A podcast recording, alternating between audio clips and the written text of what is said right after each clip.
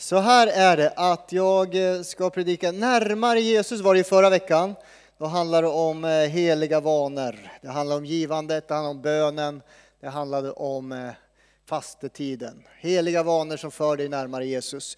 Och så har vi det andra ordet som vi använder, närmare varandra och närmare andra. Det är liksom som ledord i församlingen. Närmare Jesus, varandra och andra.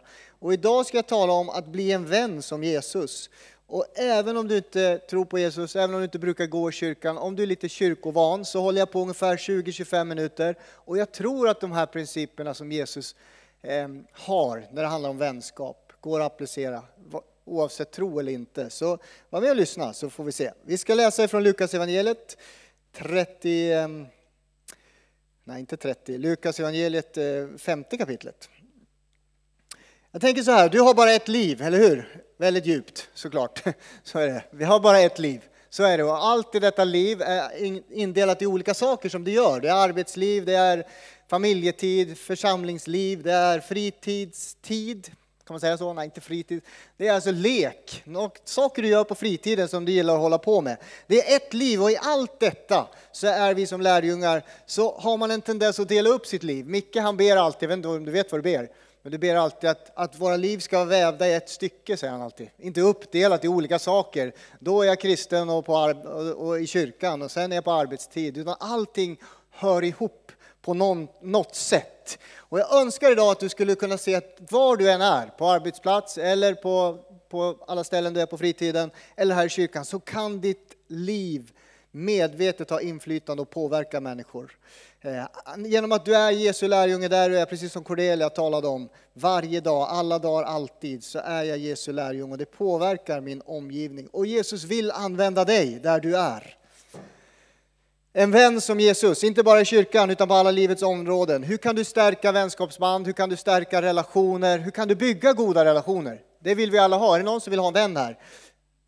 Ja, det fanns några. Fint! Det fanns några som ville, om du inte räckte upp handen nu eller ens agerade när jag sa det, då har vi själavårdssamtal sen tror jag, därför att då är det något annat som är problem. Alltså vi behöver vänskap, vi klarar oss inte utan vänner. Så många människor idag är ensamma. Fruktansvärt många, jag har redan dragit statistik på det när jag predikar förut. Men det är så många människor som eh, lever och är och upplever att de är ensamma, trots att de har mer kontakter än någonsin, sociala medier, allting. Ändå upplever man ensamhet, utanförskap. Det till och med förkortar livet på människor. Ensamma män får kortare liv därför att de lever ensamma. Det är fruktansvärt vad ensamhet gör. Och då finns det ju ett motgift och det är ju vänskap och relationer helt enkelt. Och Jesus, han är mästare på det här. Eh, och nu ska vi läsa texten. Lukas 5 och 27 eh, till 32. Och här kallar Jesus en vän och blir vän med någon. Då gör han så här. När Jesus, vi ska få slå upp det. När Jesus sedan gick ut såg han en publikan. Det står tullindrivare där, det är samma sak alltså. En publikan som hette Levi sitta vid tullhuset. Han sa till honom, följ mig. Då lämnade Levi allt, steg upp och följde honom. Sedan ordnade han en stor fest för Jesus i sitt hem, där en mängd publikaner och andra låg till bords med dem. Fariseerna och deras skriftlärda kritiserade hans lärjungar och frågade varför äter och dricker ni tillsammans med publikaner och syndare? Jesus svarade dem, det är inte de friska som behöver läkare utan de sjuka. Jag har inte kommit för att kalla rättfärdiga till omvändelse utan syndare. Så är ordet och vi ber för det. Tack Jesus för ditt ord Herre. Tack för att det här visar någonting om vem du är Herre. Hur du möter människor, hur du kallar människor att följa dig, men också hur du är beredd att besöka människor som ingen annan vill vara med, besöka. Tack Jesus för att du har kommit för att kalla liksom, syndare till omvändelse och frälsning. Tack Jesus för att det är sån du är. I Jesu namn, Amen. Den här Levi som sitter här eh, är tullindrivare och den Levi är samma som Matteus. Så när du, läser Matteus evangeliet så är det samma person som Jesus kallar här i texten i Lukas evangeliet. Han var tullindrivare, det betyder att på den här tiden så var det romarriket som ockuperade Israel, ni har hört det här en del av er, ockuperat Israel, och regerade över det liksom området och så kallade man samman en del judar som fick bli tullindrivare. De drev in skatt åt romarna. De var alltså inte populära, de hade inte många vänner, eh, utan de blev nog lite utanför därför att de jobbade åt romarriket men drev in pengar av judarna. De ansågs vara sådana som var elaka, lugnare, de lurades, hade väldigt lite vänner. Men nu så kan man ju tänka sig, eller jag sitter och fantiserar när jag läser texten, att eh, tänk dig en fest full av tullindrivare. De har inga andra vänner, ingen annan vill vara med dem.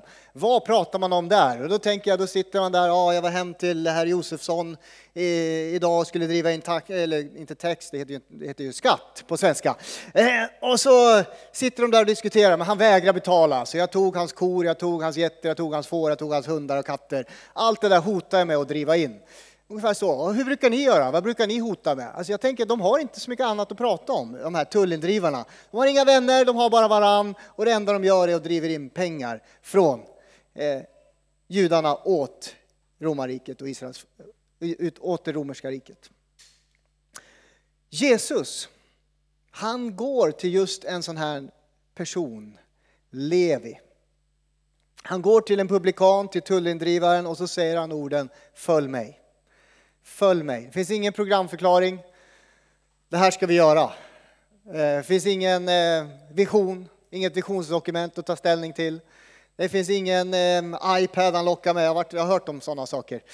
Lockar ibland inne i Uppsala. Kom på ungdomsmötet, ta med en kompis så kan du vinna en iPad. En del församlingar använder de tricksen. Det fanns inget sånt överhuvudtaget. Det fanns ingenting, ingenting som målades upp, utan det enda som händer är att det är ett direkt möte mellan en syndare, Levi, och Herren Jesus Kristus själv. Det är det enda som sker i det där mötet. Det han gör när han ser in i Jesu ögon är att han ser Gud själv. Och det är Jesus han har att ta ställning till, för eller emot. Det är allt. Han vet inte vad det innebär, han behöver inte fundera, hur, vad har du för dopsyn? Eh, vad har du för äktenskapssyn? Eh, hur ser du på apokatastasis? Jätteviktig fråga. Hur tänker du om dubbla utgången? Eh, vad tänker du om den andra döden? Vad blir det när Jesus kommer tillbaks? Ingenting sånt har han att ta ställning till. Jag vet att en del av er älskar att diskutera svåra teologiska frågor, men Levi, han har bara Jesus där. Gud själv står framför honom och kallar honom följ mig. Jag vill bli din vän. Det är allt, för eller emot Jesus. När jag blev frälst, det var precis de här orden jag hörde. 19 år gammal så upplevde jag att Jesus sa till mig, följ mig. Jag visste inte vad det skulle innebära överhuvudtaget. Det var bara för eller emot Jesus jag hade att ta ställning till.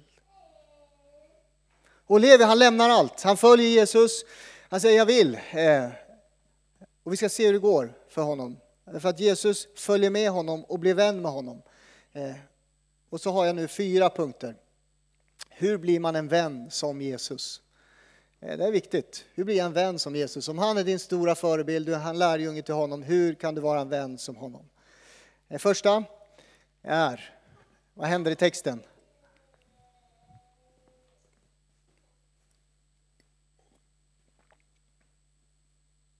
Ni är väldigt tysta idag. Hur mår ni? Ovanligt tysta här inne. Det kan vara så ibland. I den här kyrkan behöver man inte vara knäpptyst. Man får liksom tissla och tassla lite ibland, men man får inte prata om vad som helst, inte fotboll och sånt just nu. I varje fall i texten, gå till texten. Kommer texten där igen. Står det så här i Matteus 5 och 27. När Jesus sedan gick ut såg han. Det är det första. Han gick ut och så såg han. Jag tänker om jag vill bli en vän som Jesus så behöver jag gå ut ibland till människor där de är och se vart de är. Som vem var Jesus? Vänskap handlar om att söka upp människor. Jag tror att vi ibland har den här idén, och andra eh, faktiskt religiösa ledare på Jesu tid, de hade den här idén, om vi sitter här och är tillräckligt visa, då kommer människor till oss, för vi är så intressanta. Men Jesus var inte överhuvudtaget på det sättet. Han gick ut, står det, och han såg människor. Och jag tänker ibland, eh, när jag vill ha vänner, varför kommer, ingen, varför kommer inte någon ihåg min födelsedag? Varför kommer ingen hem till mig? Varför är det ingen som söker upp mig? Jag vet att man hamnar där ibland, jag hamnar där själv ibland. Eh, när jag fyllde år en gång här, jag vet inte vad jag blev, jag kanske blev 21 år, jag jobbade här i församlingen. Det var ingen som kom ihåg min födelsedag. Faktiskt, jag var ungdomsledare här, jag var här en hel dag. Varför säger ingen grattis till mig? Det var före Facebooks tid, ni vet. Det var, varför är det ingen som gratulerar? Och så sitter man där och tycker lite synd om sig själv istället för att faktiskt eh, på något sätt bjuda in till fest då, eller gå ut och söka upp människor. Kom och var med på festen. Så där blir man ibland. Men Jesus, han går ut och han ser människor. Det är evangeliet. Det här är evangeliet. Det handlar om en Gud som kommer ner på vår nivå. Det står att han ägde Guds gestalt, men han vakade inte över sin jämlikhet med Gud, utan han antog en tjänares gestalt och blev som en av oss. Gud själv söker upp mänskligheten genom att komma hit ner till vår nivå och ge sitt liv för oss. För att du ska få uppleva vänskap med Gud. Det här är vad vi behöver göra som församling om vi vill vara mer lika Jesus när vi söker upp vänner. Är det någon här som vill ha goda vänner? frågade jag nyss. Ja, nu är det några fler. Bra, bra, bra, härligt. Schysst att ni är med. Alltså jag tänker så. Ibland tänker vi på vänskap och tänker man alltid på sig själv. Varför sätter sig ingen vid mitt bord? Varför kommer ingen ihåg min födelsedag? Jesus han vänder på det. Han tar första steget, han närmar sig oss. Så är det hela Bibeln. Hela Bibeln är full av en Gud som söker människor. Som söker upp människor som går ut, som går ut, som går ut. Söker andra. Om du vill vara en vän som Jesus så behöver du börja tänka lite annorlunda och fundera. Hur kan jag söka upp en människa som är ensam, som har det svårt, som kämpar just nu. Eller som behöver en vän bara. Kan jag vara en sån vän? behöver inte gå så långt. Du är på arbetet, om du inte jobbar på Smulan eller här då, då är det jobbigt, då är det bara kristna runt omkring dig. Men om du jobbar på arbet, en arbetsplats där det inte finns kristna, eh, så tänker jag för att komma närmare andra som inte är kristna, så kan du bara börja där med att vara vän. Du vet när jag blev frälst, då hade jag inga kristna vänner. När jag kom till tro på Jesus hade jag inga kristna vänner. Det är sant. Jag bodde i en stad långt härifrån, Katrineholm. Jag kommer till tro på Jesus, jag går på gymnasiet, jag känner inga kristna men jag tror på Jesus. Idag har jag nästan inga vänner som inte är kristna. Så ser kurvan ut för de flesta och det tycker jag är ett litet problem. Om det nu så är att vår församling är utsänd till andra för att nå andra människor, att söka upp med andra människor och ge Jesus till dem och liksom bli goda vänner med andra utanför vår gemenskap, så går kurvan faktiskt så för de flesta. När man kommer till tro har man många utanför kyrkan som man är vän med. Och när man har varit här i kyrkan i 30 år så har man bara kristna vänner. Ja, men vi sänds ju ut av Gud själv. Du behöver ha vänner där utanför den här gemenskapen också. Och då är arbetsplatsen en fantastisk plats att söka vänskap med människor. Men också fritiden. Jag har hört just nu att det är väldigt inne att spela golf i vår församling. Grattis, kul för er som spelar golf. Det är tydligen något som har blivit inne. Jag visste inte det. Eh, ingen har bjudit med mig. Varför har ni inte bjudit med mig och spela golf? Eh, jag bara försöker säga, kul för er! Spela golf, ni som spelar golf. Men gör det inte bara med era kristna vänner. Sök upp lite andra golfare i Alunda och säg nu spelar vi golf tillsammans. Alltså jag vill säga så här till dig, du som är lärjunge till Jesus, du kan påverka människor med ditt liv om du är där ute bland dem genom att gå ut, söka upp människor, men också vara medveten om varför du gör det. Jag gör det därför att jag är Jesu lärjunge. Jag vill nå ut till andra människor. Jag vill att andra ska höra om detta fantastiska budskap. Om att Gud söker dig, vill ha en relation med dig, kan rädda dig, frälsa dig, kan vara med dig alla dagar, alltid, ända in i evigheten. Vi har någonting vi liksom bär på. Eh, och då måste man gå ut för att nå ut med det.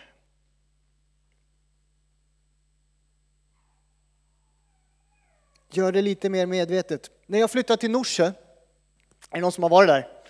I Norsjö? Ja men titta här, vad kul! Fick några vänner i Norsjö? Mm. Alltså Norsjö är en, man säger så, det stavas Norsjö.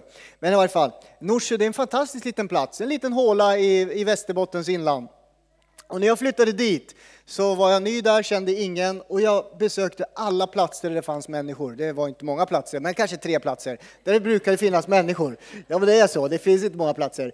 Eh, jag gick till kyrkans barntimmar med mina barn och när jag kom dit så hälsade jag och tog i hand på alla föräldrar som var där. Och alla tyckte det var jättekonstigt. Varför jag, och så har jag förstått efteråt att det var konstigt, för det är ingen som hälsar efteråt. När jag sitter där och har suttit där flera år så kommer det nya. De går inte runt och hälsar, men jag gick runt och hälsade på alla. Och av de här människorna jag hälsade på så var det tre familjer som jag och Julia blev nära vänner med. De är inte med i församlingen, var inte med i kyrkan. Vi blev nära vänner. Vi umgicks med dem ofta. Eh, och när vi skulle ha bibelutdelningar i kyrkan, då bjöd vi in dem för att dela ut biblar till deras barn. Och de kom. Eh, när jag nu var där i vintras och hälsade på hade vi en tacofest i kyrkan. Eh, vilka var där? Jo, våra nära vänner. De har aldrig gått till Pingstkyrkan tidigare, aldrig varit där. Men vi sökte vänskap med några stycken, medvetet därför att vi ville, dels vill vi ha vänner, det är inte bara det, men också vill vi tala om Jesus och berätta om Jesus. Man har aldrig varit i kyrkan innan, men det räckte att någon jag säger inte det här för att jag, oj vad superbra jag är. Men jag känner mig lite mer instängd här i Furakyrkan. Jag är mer på kontoret här än vad jag var där. Men någonstans så ber jag er, gå ut medvetet om att du är lärjunge till Jesus. Sök upp vänner eh, som inte bara är med i kyrkan och berätta om Jesus. Vers 29. Senan ordnade han en stor fest för Jesus. Alltså det här är Levi, tillbaks till Levi. När han hade sagt ja till kallelsen och följa Jesus står det så här. Sedan ordnade han en stor fest för Jesus i sitt hem. Där en mängd publikaner och andra låg till bords. Alltså det här var ingen kyrkfest. Det var ingen bara massa mysiga kristna. Det var en fest med publikaner, tullindrivare och syndare. Alltså det var säkert en och annan full kille. Och då tänker jag min andra punkt. För att kunna bli vän med Jesus så verkar det som att Jesus accepterar människor för vilka de är. Acceptera andra för den de är. Vad betyder det? Det betyder inte eh, att jag håller med om alla andra människor, alltså utanför kyrkan eller inom kyrkan, alla deras åsikter och alla val de gör. Men jag accepterar människor för den de är. Det verkar Jesus göra när han är en vän. Han går till publikanerna, han går till syndarna och verkar på något sätt ändå acceptera att den här festen den är inte som ja, en kristen fin fest. Han verkar ändå vilja vara där. Ibland gör människor val som är rent destruktiva. Och jag skulle säga det bästa sättet att påverka människor är inte att vara fördomsfull med fördömelse utan genom vänskap. Jag vill ändå vara vän med dig. Jesus fattar det här. Vi hade en vän och eftersom att de inte tittar på den här Youtube-sändningen så kan jag nämna dem. Vi hade en granne där uppe i Norsjö. Vad kämpade han med? Han hade ju stora alkoholproblem. Och hade blivit, han var nykter alkoholist eller vad man kallar det, jag vet inte. Eh, han var nykter i varje fall. Vilka ville han vara med på nyår? Vilka ville han vara med på midsommar? Han frågade, får jag komma hem till er eh, och fira? För han visste, där, det dricks ingen alkohol hemma hos familjen Ternborg. Så någonstans hade vi fått en sån vänskap att var vill jag vara? För att känna här är jag trygg, här kommer jag inte falla in i något destruktivt beteende. Den vänskap. Han hade inte känt fördömelse över sitt gamla liv. Han hade känt, här har jag vänner. Jesus fattade det här, han gick ut till de som kämpade, han gick till de som syndade. Jag tänker målet med våra liv som lärjungar är ju, är ju liksom att ju längre vi vandrar med Jesus så fylls våra hjärtan och blir liksom med mer kärlek för människor. Det är målet, att hela tiden känna större kärlek till människor. Att mitt hjärta vidgas och kärlek till andra människor växer. Och det gör den när man lever nära Jesus. Ibland blir man rädd när man rör sig ut i världen. Tänk om jag faller, tänk om jag faller i synd. Och det, det är viktigt att tänka på det. Vad, vad, är det jag gör och hur tänker jag, vad tar jag in i mitt liv? Det är viktigt. Men jag skulle säga om du är ute bland människor och älskar människor och ger människor Jesus, då syndar du mindre än vad du faktiskt kan göra, sitta och göra hemma nu, titta på Netflix eller något. Alltså någonstans när jag är bland människor för jag vill ge dem Jesus kärlek och jag vill umgås med dem medvetet, så syndar du mindre. Tänk att du är gott sällskap där du är. Som vän var Jesus, han var gott sällskap för tullindrivare, för publikaner, för syndare. Det kan du också vara. Inte för att själv synda, utan för att du vill ge någonting från Jesus. Jesus accepterar de här tullendrivarna, ska jag säga, för vilka de var. Han söker upp dem, han ger dem kärlek, han vill vara deras vän och det förvandlar deras liv. Det står fariseerna och skriftlärda förargade sig.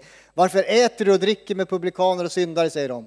Alltså det var de religiösa ledarna, de hade koll på allt, de var heliga. Varför äter du med de här? Varför går du på deras fester? Och Jesus blir dömd för sin kärlek för trasiga människor. Jesus svar är så bra. Det är inte de friska som behöver en läkare utan de sjuka. Det är inte de friska som behöver en läkare, det är de sjuka. Jag har inte kommit för att kalla rättfärdiga till omvändelse utan syndare. Det han säger, jag går ut till människor mitt i deras trasighet. Jag vill leda dem till helande i mötet med min kärlek. Jesu liv, eller Jesu möte leder dem till förvandling. Han ser inte på vilka de är, han accepterar vilka de är, men han ser också en annan potential i varje människa. Det finns någonting annat i varje människa. Du kan bli någonting annat när du får Jesus in i ditt liv. Och det är min tredje punkt. När du är en vän som Jesus så vill jag att du kan se människor för vad de kan bli. Liksom, vad kan de bli tillsammans med Jesus? Jesus såg någonting annat i varje människa som han mötte. Det finns en sån kraft att se potential i människor. Inte bara se, ja, du bara misslyckas, du är bara trasig, du har bara massa aviga sidor, massa jobbiga sidor. Det finns mer i varje människa. Mer i varje människa. Alla är skapade till Guds avbild. Han har satt sitt avtryck på alla. Han har lagt ner sin potential i varje människa. Varje människa är unik. Det betyder att det finns ingen annan som du. Det finns inga dubbletter. Och därför har du ett värde. Du är värdefull och älskad av Gud. Och det finns en potential i varje människa. Ibland är det någonting självdestruktivt i mänskligheten. Synd kallas det, som driver oss liksom bort från Gud. Men det finns någonting vackrare i varje människa. Den potentialen vill jag att du ska se när du möter människor. Inte bara, ah, den där ställer bara till det i livet jämt. Se det där vackra i varje människa. När Guds ande får grepp om en människas hjärta, då kommer annan frukt ut. kommer kärlek, glädje, frid, tålamod, godhet, vänlighet och så vidare. Guds ande rör vid ett hjärta, då blir det, det hårda hjärtat mjukt. Skulle han, han tar arga människor, Jesus, och fyller dem med glädje. Han tar vilsna människor och ger dem en, en riktning och mening. Han tar oroliga och stressade människor och ger dem frid. Jesus förvandlar ständigt människors liv. Det finns en potential i varje människa du möter. Acceptera dem för de är, men se också att det finns mer där. Det finns mer där och Gud kan göra mer i ditt liv. När du söker upp människor för att bli vän med dem, kom ihåg, finns en kraft i att se på människor utifrån vad de kan bli, inte haka upp det på allt dåligt.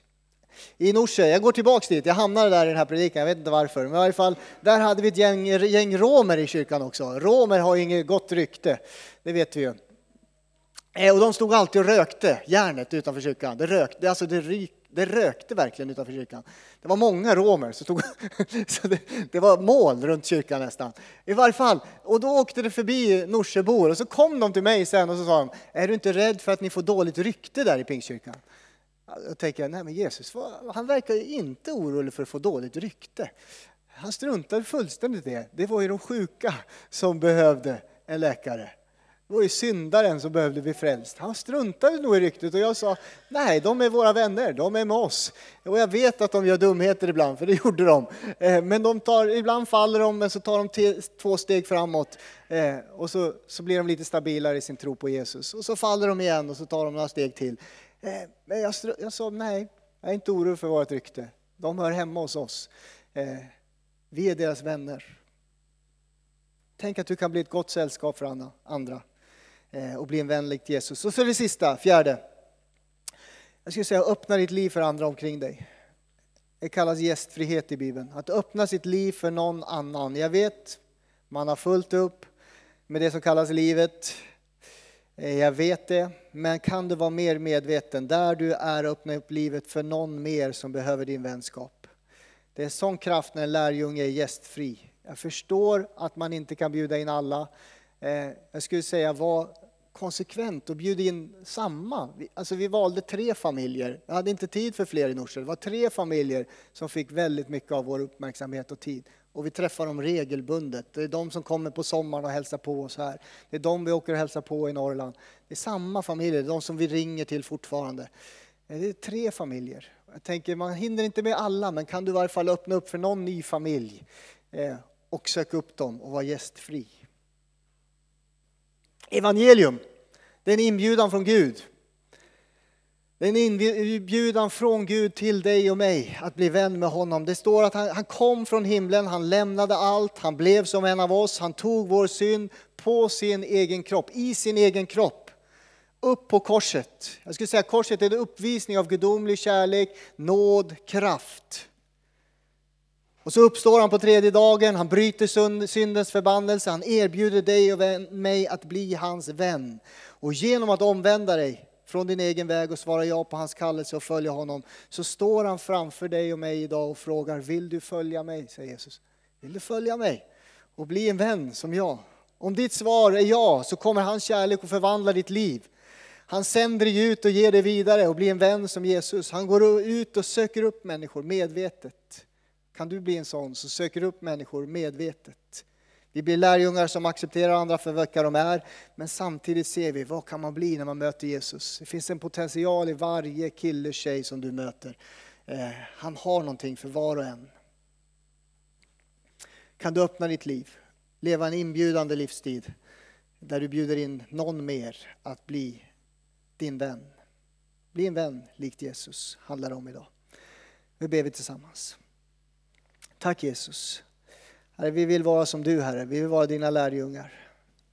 Och vi ser att du gick ut Herre. Och jag ber Herre att i den här församlingen där vi längtar efter att komma närmare både varandra men också andra i vårt samhälle så, så sänder ut oss där vi är på arbetsplatser, i föreningsliv Herre, på golfbanan, var vi än är Herre. Låt oss medvetna, bli medvetna om att, att bjuda in andra. Bjuda in andra till dig Kristus. Tack Jesus. Tack för var och en här Herre. Tack att du söker var och en här Herre idag. Tack att du kallar människor att följa dig idag Jesus.